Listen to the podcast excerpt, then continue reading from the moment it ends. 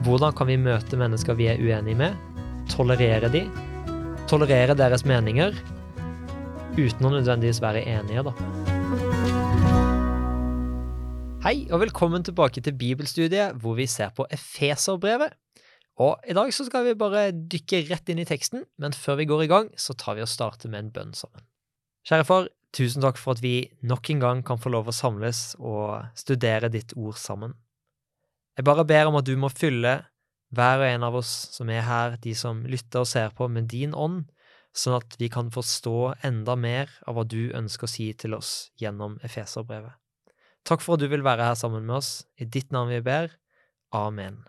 Amen. Sist gang så hadde vi jo en ganske spennende diskusjon om dette her med hva vil det si å være frelst? Mm. Hvordan er det før og etter så hadde vi noen spennende bilder med helikoptre og båter. Men nå går det et eh, lite stykke videre, og jeg tror kanskje en oppsummering av hva vi skal snakke om i dag, er Sist snakka vi om nåden.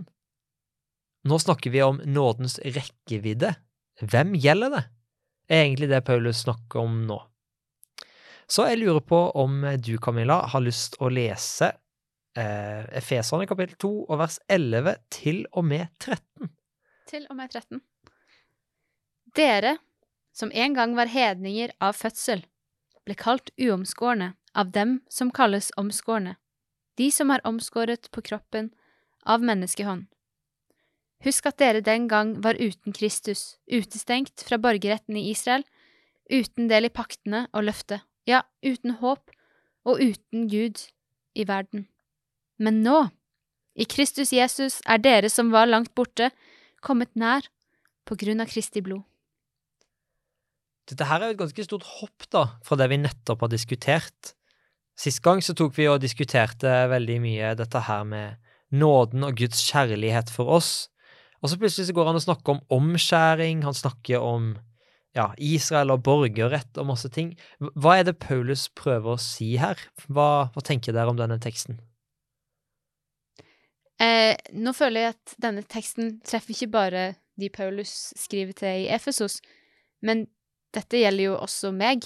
Hvis jeg går Jeg har gjort litt slektsforskning. Eh, og hvis jeg går langt nok tilbake i tid, så ser jeg at jeg er ikke etterkommer av Abraham i første omgang, iallfall, eh, men av vikingene. Men likevel så har jeg fått lov til å bli en del av borgerretten i Israel, som er ganske langt fra der mine forfedre kommer fra. Ja, og det er jo kanskje litt det temaet som man nettopp tar opp, da. Mm. Fordi som vi har diskutert i Efesos, så er det en veldig blanda folkemasse. Og en del av disse er også jøder. De jødene som det folket som opprinnelig ble regna som Guds folk. Og så er det nå plutselig mange flere som har blitt med. Så det virker som at Paulus føler at det er nødvendig å forklare og bare gjøre helt tydelig da at ja, men faktisk, disse har også en plass her, selv om det ikke virka som de hadde det før. Snakker vi om det fysiske Israel? Har vi stemmerett der? Eller er det, Ja, hva en, er Israel her? Det er en veldig viktig presisering du kom med der. For når vi snakker om Israel her, så er det som du sier, vi snakker jo ikke om staten Israel. Vi snakker om Israel som et folk Mm. som, ja, starta med Abraham, og Abraham sin slekt den ble bare større og større gjennom århundrene, til vi fikk, ja, Israelsfolket, da, Mm. som eh, er ganske stort. Og israelsfolket er jo også i Bibelen synonymt med Guds folk. Mm. Så når han snakker om borgerrett i Israel, så mener han jo da kanskje det å få borgerrett i Guds folk. Og det går vel kanskje tilbake til det vi har snakka om ganske mange ganger allerede, med Guds familie. Mm. Når ble Israel først brukt? Når ble Israel først brukt. Israel ble vel først brukt eh, ganske tidlig i Bibelen i første Mosebok, der du har eh, denne fyren her, Jakob, som er barnebarnet til Abraham, som fikk masse løfter fra Gud. Og, og Jakob, han Han eh, kjemper Han slåss med, med Gud om natta. En, en natt han er i ferd med å ha et veldig viktig møte med eh, med en fiende, da, eh, med sin bror, som han har vært i strid med i mange, mange år. Han er veldig nervøs, og så, så kommer denne her skikkelsen til han, og han kjemper med denne skikkelsen, og så eh, skjer det mye rart, men blant annet at, at Jakob får navnet Israel. Så det var gitt til én person. Det ble gitt til én person, eh, og så blir denne frasen brukt videre om Israels folk, altså Jakob, eh, bare med hans nye navn, sitt folk. Og jeg syns det er interessant med en profeti i Hosea, eh, vers 11. Og det, det er en profeti på Jesus. Eh, da Israel var ung, Mm. fikk jeg ham kjær. Fra Egypt kalte jeg min sønn. Så dette er en profeti om Jesus, og her blir Jesus kalt Israel. Mm. Så kan vi si at Jesus er Israel, på en måte. Jeg vil kanskje heller si at Israel er dette folket, iallfall det som Paulus refererer til, er Israels folk. Em, men der Jesus, som vi snakka om i forrige episode, han er oppfyllelsen av alle disse her løftene og håpene som Israels folk har fått gjennom generasjoner, gjennom århundrer, som de har lengta og bedt for. Eh, der kommer Jesus, og han er på en måte løsningen på alt. Jeg tenker jo at det du også tar opp, da, det er jo en, en veldig viktig ting. Det er at Israel, det var jo ikke bare OK, Gud sa dette, dere er mitt folk. Israel skulle jo også ha en funksjon. Mm. Og nettopp der syns jeg det du trekker frem da med eh, Jesus som Israel, eventuelt er en veldig viktig ting. Fordi den funksjonen som de fikk, det var at når Abraham fikk løftet OK, du skal være starten på dette folket, så sier Gud, jeg skal velsigne deg. Og velsigne, det betyr egentlig å bringe liv og fruktbarhet til noe som er dødt. Det er at Gud kommer inn og fyller det med seg selv. Og så sier han, OK, jeg skal velsigne deg, og så skal du bli til velsignelse til alle folkeslag. Og det var ikke en oppgave som israelsfolket klarte alene, men oppfyllelsen av den funksjonen som de hadde, kom jo nettopp i Jesus, da. Så det, det er et viktig poeng som du trekker frem. Men hvis vi går litt sånn konkret da inn på de tingene som Paulus snakker om her, så snakker han om dette her med omskjærelse. Dere som en gang var hedninger av fødsel, ble kalt uomskårne av de som kalles omskårne, de som er omskåret på kroppen av menneskehånd. Hva, hva er poenget som Paulus prøver å få frem når han sier husk at dere en gang var uten Kristus, utestengt fra borgerretten, uten del i pakten, men nå i Kristus Jesus, så får dere lov å komme nær. Jeg får litt sånn skolegård-bilder i hodet av det her utestengt, innestengt Ikke innestengt, men, men inkludert. For Jeg ser for meg en skolegård der det er noen unger som er og leker, og så er det noen som kommer bort til, til en gjeng der og, og sier 'hei, kan vi få være med?' Og så så får de kanskje ikke være med, da er de utestengt. Men jeg vet ikke om dette er en utestengelse som man på en måte har valgt sjøl til en viss grad, eller om det er en kulturell barriere, eller hva det er. Hva tenker dere? Ja, jeg tror du er inne på noe veldig viktig der, da, fordi altså, israelsfolket var jo en litt sånn litt eksklusiv klubb, hvis man kan si det sånn, da. Det, det var ikke hvem som helst som var med i Israel. Eh, og i hvert fall hvis du var mann, da, så hadde du et veldig tydelig tegn på kroppen din på at du var det, i form av at du var omskjært. Og samtidig så finner vi jo eksempler gjennom Bibelen på at, eh, og Gamle testamentet på at mennesker som ikke er hva skal man si da, genetisk eller etnisk en del av linjen til Jakob, blir tilslutta israelsfolket. Så eh, med tanke på spørsmålet ditt, da, den utestengingen, eh, kanskje det er litt todelt. Mm.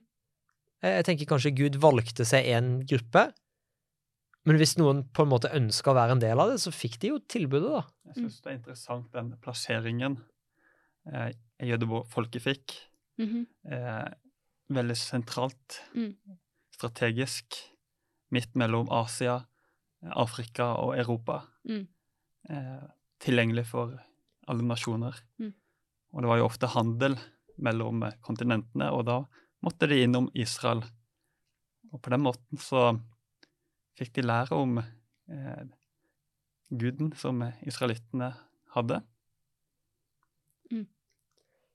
Ja, nei, og jeg synes det er et veldig viktig poeng, da, med at eh, Tilbake til denne funksjonen som du trekker frem, da, at israelittene de skulle ikke bare ta imot noe godt og holde på det. Det skulle spre seg. Og selv plasseringen, det landet som israelittene fikk, var jo genialt plassert for å spre det. Og det er en av de tingene som forskere trekker frem da, når de ser på hvorfor har den bitte lille religionen, den lille følgerskaren til Jesus, spredt seg til å bli verdens største religion, så er jo nettopp plasseringen for hvor det skjedde, og tidspunktet, en av de tingene må trekke frem. Så det er veldig tydelig at Gud har hatt en plan her, da. Så på den måten så var det ikke eksklusivt bare til jødene, men at det skulle ut i hele verden. Mm. Men det virker jo kanskje allikevel som Det er et viktig poeng her. Det virker jo som at noen gjør det eksklusivt, og mange har tenkt at det er det. Og det er kanskje litt derfor Paulus trekker frem det som han sier. For hvis vi, hvis vi går litt videre nå, hvis vi for eksempel leser vers eh, 14 og 15 Har du lyst til å lese de, Daniel? Ja. Eh, For han er vår fred, han som gjorde de, de to til ett og rev ned den muren som skilte fiendskap, fiendskapet. Ved muren eh, ved sin kropp. Han har opphevet loven med dens bud og forskrifter. Slik eh, stiftet han fred da han av eh, de, eh, to skapte et nytt menneske i seg. Ja, kan du ta med vers 16 også, faktisk? I en kropp for, eh, forsonte han dem begge med Gud eh, da han døde på korset, og slik drepte fiendskapet. Ja, altså det er jo en elefant i rommet her som jeg tror vi må komme tilbake til litt etterpå. Dette her med at loven er oppfetta, eh, oppfesta. Oppheva. Takk, det var det jeg prøvde å si. Takk, Camilla. Loven er oppheva. Men før vi kommer dit, så tenker jeg at det er to litt sånn stikkord som har gått igjen i de to tingene vi har snakka om. Det er loven, og så er det omskjærelsen. Mm. Og hvis man ser på pakten som Gud går, inngår med israelsfolket til å begynne med, så er dette her to av de hovedtingene, da, og hovedtegnene på at du er en del av Guds folk. Mm. Du er omskjært, og du har loven, du følger loven. Og det er jo ganske, hva skal man si da, veldig tydelige tegn på at du er en del av noe. Og så kommer nå Paulus plutselig og sier, i vers 15 eh, Vi kan lese fra vers 14 også. For han er vår fred, han som gjorde de to til ett, og rev ned den muren som skilte fiendskapet. Ved sin kropp har han opphevet loven med dens bud og forskrifter. Slik stiftet han fred da han av de to skapte ett nytt menneske i seg. Så hva mener han når han da sier at han opphever loven? Og Det virker jo også som at han sier at tidligere så var omskjærelsen noe som var veldig viktig, og nå er det ikke så viktig lenger. Hva er, hva er poenget til Paulus her? Sier han at det er to ting vi ikke trenger bry oss om lenger? Eh, Jeg leste litt i en eh, bibelkommentar her om dagen for å prøve å forstå dette litt eh, bedre. Og han som skrev den bibelkommentaren, han skriver det at Moseloven, den er noe som reflekterer Guds hellighet, um, og hvordan folk bør leve livene sine. Um, og dette er noe som fortsatt er aktuelt uavhengig av hva Paulus mener her, så er dette noe som fortsatt er relevant, og Gud har fortsatt sine hensikter med hvordan han ønsker at vi skal leve, hvordan han ønsker at vi skal forholde oss til andre mennesker. Um, men jeg tenker jo at uh, det det er snakk om her, er en mer teologisk betydning av loven. Ja, Det som peker fram mot, mot Jesus. Mm. Ja, hvilket lov Det er ikke tibudsloven det er snakk om. Det er en debatt man veldig ofte har, men jeg vil faktisk gå så langt som å si at jeg synes ikke det er en så viktig debatt akkurat her. For om Paulus sier at den er oppheva, og mener si, alle de andre smålovene som jødene også fikk, for de fikk jo totalt 613 lover, og om man da regner med de ti bud. Jeg tror ikke det er så viktig her, nettopp fordi at hvis du leser videre i Efeserbrevet, f.eks. i kapittel 6 og vers 1 og 2, så tar han ordrett og siterer eh, budet om at man skal hedre sin mor og sin far. Og han insisterer på at det er noe man skal fortsette med. Ja, så, så det er jo veldig tydelig at han ikke sier at vi bryr oss ikke om det.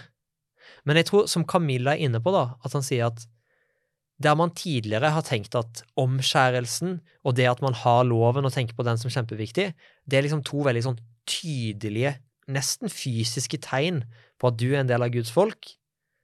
Så sier han det skillet som det har vært mellom de som ikke fikk loven, og de som ikke fikk beskjed om at dere må være omskjært, det er nå oppheva.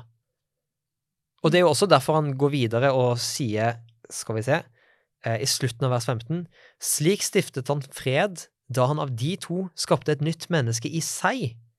Hvis vi leser videre i vers 16, så skriver han også, i én kropp forsonte han dem begge med Gud da han døde på korset og slik drepte fiendskapet.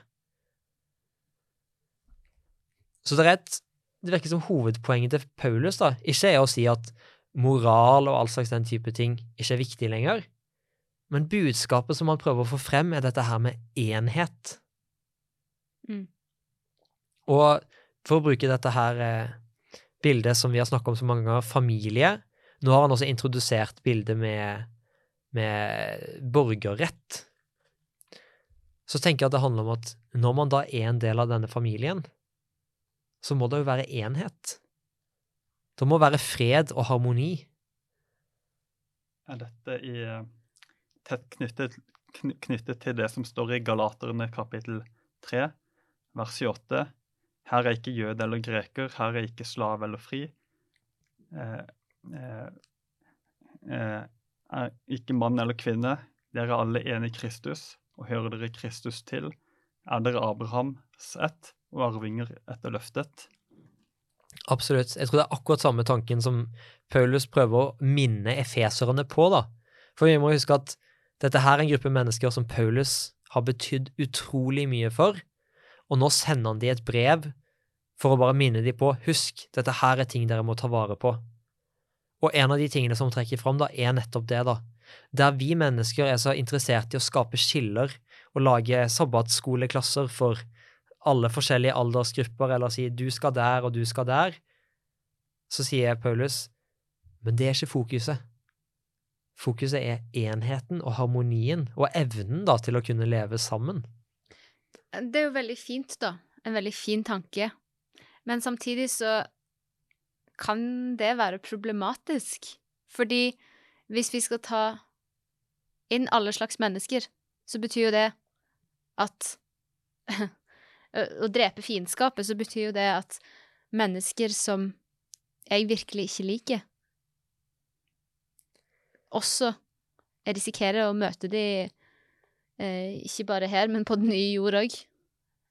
Hvor setter jeg en grense mellom det å på en måte skape enhet eh, med de som, som jeg ønsker fellesskap med, og hvordan setter jeg sunne grenser likevel for meg sjøl? For det er ikke sånn at jeg skal være dørmatte.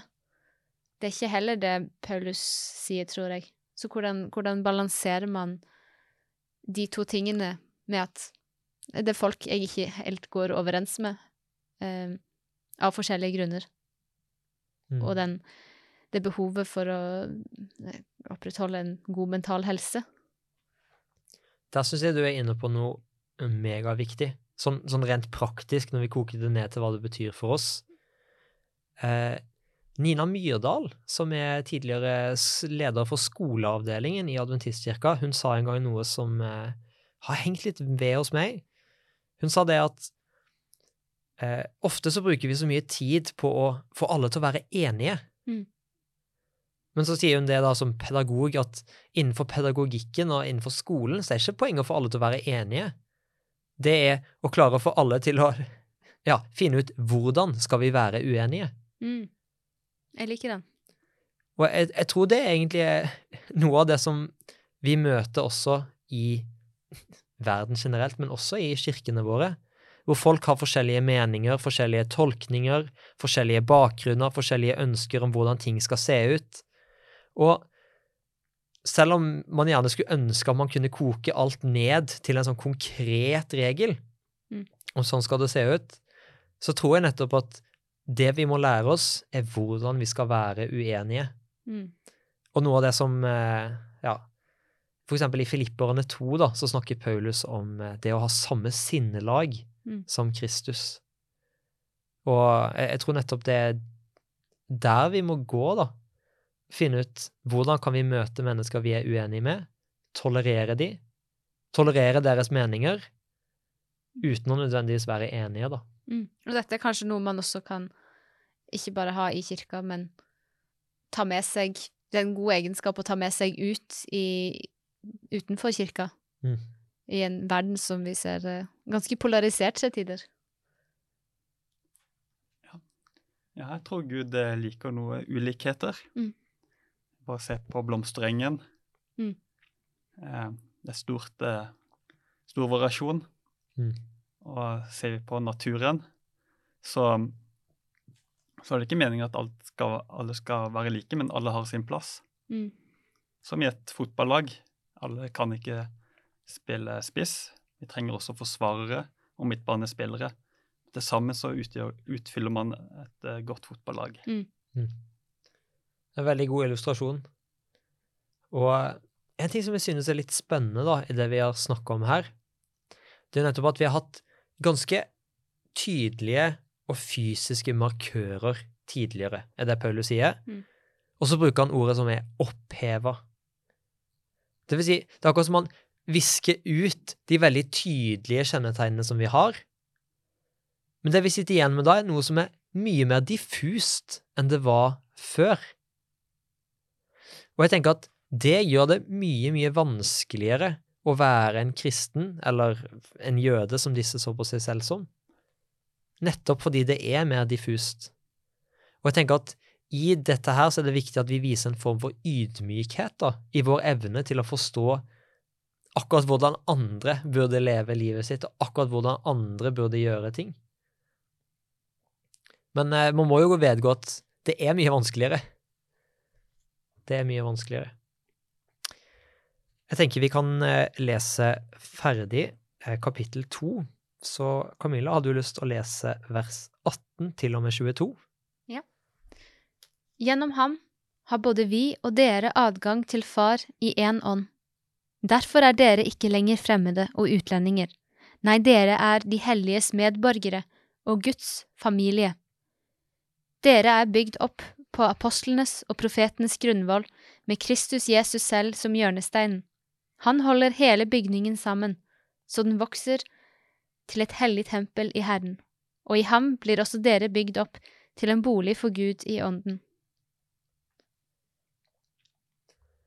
Er det noe som eh, stikker ut for deres del når vi leser disse versene? fremmede og utlendinger eh, Det at Paulus sier 'dere er ikke lenger fremmede og utlendinger', for det er vel sånn man har, fra Paulus sitt eget perspektiv, kanskje har sett på de som ikke eh, ikke er jøder, eh, altså i hans egen kultur, så har han tenkt på de som er såkalte hedninger. Som fremmede og som utlendinger som noe som han på en måte ikke helt har en relasjon til. Mm. Eh, men nå Nå har disse som var litt diffuse der ute, kommet veldig mye nærmere og blitt ikke kjent, men familie. Og det er en helt crazy tanke, som er utrolig nydelig. Og Jesus har blitt hjørnestein. Mm. Hva betyr det? Jeg synes det er spennende det verset hvor han snakker om eh, hjørnesteinen. For når han starter å bruke dette her byggebildet, så sier han dere er bygd på apostlenes og profetenes grunnvoll, med Kristus selv som hjørnestein. Og hva betyr det å være bygd på apostlenes og profetenes grunnvoll? Jeg tenker jo kanskje det betyr at profetene, det er kan nesten kalle det for Gamle testamentet, i hvert fall en stor del av Gamle testamentet. Det var de menneskene som fikk konkrete beskjeder fra Gud og sier til menneskene sånn her skal det være. Og jeg tror veldig mange av de som når de hører Paulus sine ideer, lurer på ok, driver Paulus nå og snakker om noe helt nytt? Er dette noe helt sprø, crazy greier? Eller er det faktisk det samme som vi har trodd på før? Så tror jeg egentlig han prøver å betrygge de og si at det her med profetene, dette her er videreføringen av det. Apostlene, de menneskene som har fortalt dere om det gode budskapet, dere som ikke hadde tilhørt jødefolket før, eller israelsfolket. Og så sier han, men hjørnesteinen, Hva er en hjørnestein, Goffi? hva er en hjørnestein? Ja, nå vet jeg at Daniel har jobba mye med praktisk arbeid i sitt liv. Har du lyst til å beskrive det bedre? Eh, Jeg har ikke jobbet så mye i det, men jeg skjønner det at det er ofte den steinen man begynner med når man setter opp et bygg. Mm. Eh, og det er ofte da en politiker eller en som på en måte har vedtatt at dette bygget skal bygges, som setter denne byggesteinen. Så det er liksom I min eh, bibel så står det en sånn liten fotnote i margen, som ikke jeg har skrevet sjøl, men som eh, Bibelselskapet har skrevet. og Der står det at det er liksom den steinen som holder hele bygningen oppe. Så alt annet raser sammen hvis man ikke har den. Ja, og jeg tenker det er en veldig viktig forståelse her, da. Mm. Og av de tingene som de kjente til De kjenner til profetene, i hvert fall mange av de. Mm. De kjenner til apostlene. Og den nye tingen som legger til, da, er men husk Jesus. Hu husk Jesus. Det, det er hjørnesteinen, det som alt hviler på. Mm. Jeg tenker også det er en siste ting som jeg har lyst til å nevne kort, og det er tilbake til dette her med medborgere og statsborgerskap. Mm. Det som er litt interessant hvis du går inn og leser i Norges lover og leser om det å være norsk statsborger, så er det en av de tingene som kommer frem dit, det er OK, for å representere Norge i idrettssammenheng, for eksempel, så må du være norsk statsborger. Og jeg synes det er en veldig kul tanke at når vi blir statsborgere, medborgere i Guds folk, så får vi også lov å representere Gud. Gjennom den måten vi møter andre mennesker på, så kan folk se på oss og tenke 'wow, Gud er god'. Og jeg synes også det er veldig spennende og et interessant konsept at når vi ser på langrenns-VM eller noen sånne ting Når eh, Klæbo vinner noe, så sitter jeg der hjemme og tenker 'yes, vi er best, jeg er best'. Det er fascinerende hvor mye eierskap jeg har til noen som jeg ikke har gjort noen ting for. Men jeg tror også der så må vi som medborgere i himmelen være med og glede oss på den måten. Tilbake til det vi snakket om for et par episoder siden, med Paulus som sier takk. Mm. Han er så glad at han takker Gud på vegne av de som gjør noe bra. Mm. Og kanskje den siste og viktigste tingen med statsborgerskap, det er hvis du har det, så kan du ikke miste det. Hvis du har fått statsborgerskap, så kan ingen komme og ta det fra deg. Mm. Da hører du hjemme i det landet som du er statsborger. Og det syns jeg er en utrolig fin og betryggende tanke, da. Og kan jeg bare legge til, det var ikke en selvfølge i det samfunnet der Paulus skrev at man var borger. Mm. Folk var ikke borgere, med mindre man var fra en veldig fin familie. Da kanskje eh, så hadde man statsborgerskap eller eh, byborgerskap, eller hva man nå enn hadde. Så det er ikke bare at man får lov til å være med, men man har også fått en slags eh, ære. Mm. Man blir gjort stas på. På en helt annen måte enn enn det man vanligvis ville. Ja, og det er jo viktig at eh, det er jo ikke snakk om å bytte fra statsborgerskap i Sverige til Norge, som for øvrig sikkert må være en utrolig stor ting for enhver svenske å få lov å oppleve. Mm. Men eh, jeg tenker jo allikevel også at, eh, som du sier da, flere av de menneskene som Paulus skriver til, det er slaver. Mm. Det er ikke noe borgerrettigheter eller noe sånt her. Her snakker vi om noen som er uten papirer, som sier du er en statsborger med rettigheter, med en verdi, med en funksjon i samfunnet, Og med familie. og med familie. Mm. Jeg tenker det er et eh, fint sted å avslutte, kanskje, for i dag. Har du, Daniel, lyst til å be med oss til slutt? Gode himmelske Far, jeg takker deg for at eh, vi kan lese Bibelen om alle løftene, og at det er løfter til oss, fordi vi kan regnes som dine barn og borgere til ditt rike, og med alle de privilegiene det innebærer. Vi takker deg for det, må du hjelpe oss til å se fremover når vi føler oss nede. I Jesu navn. Amen. Amen.